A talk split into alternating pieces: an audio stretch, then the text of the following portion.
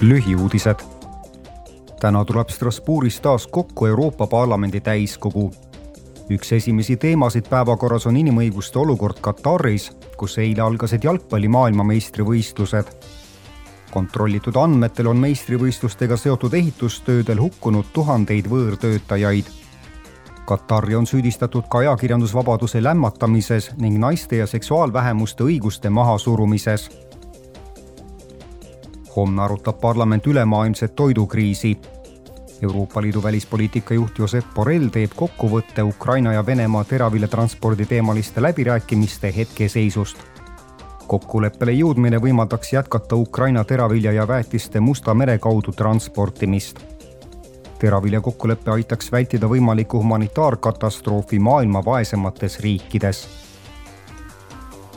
Euroopa Liit toetab Solidaarsusfondist seitsmesaja kahekümne miljoni euroga seitset kahe tuhande kahekümne esimese aasta suvel looduskatastroofides kannatanud liikmesriiki.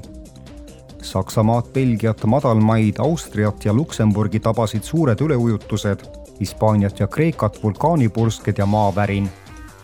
Euroopa Liidu Solidaarsusfond loodi kahe tuhande teisel aastal. sellest ajast alates on seda kasutatud saja looduskatastroofi puhul